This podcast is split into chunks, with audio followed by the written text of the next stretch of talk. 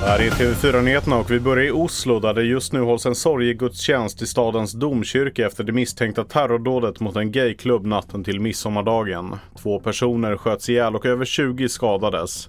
Den misstänkte gärningsmannen Sanjar Matapour ska under flera år ha haft kontakt med en central islamistisk extremist som på Facebook uppmanat till att döda homosexuella. Detta enligt uppgifter till norska VG. Sorgegudstjänsten kan du följa på tv4.se.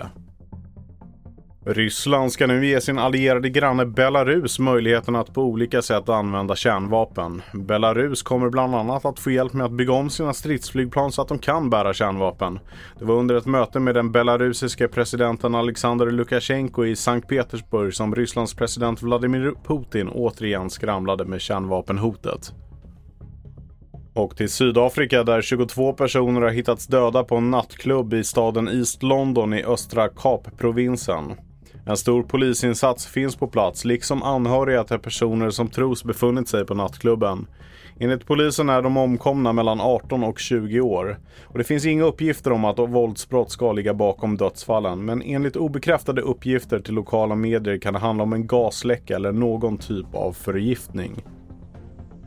Och så till Sverige där antalet fästingbitna och borreliasmittade vanligtvis når en topp på midsommarhelgen. Mellan 10 och 20 procent av alla fästingar bär på borrelia och i Sverige smittas cirka 10 000 personer årligen. Men ett nytt vaccin som har utvecklats av Pfizer och det franska vaccinbolaget Valneva är på väg och väntas vara klart 2025. Men fram till dess får man skydda sig på andra sätt. Och avslutningsvis kan vi berätta om guldgrävare i Kanada som har fått en riktig jackpot när man har hittat en intakt men mumifierad mammutunge som tros vara över 30 000 år gammal.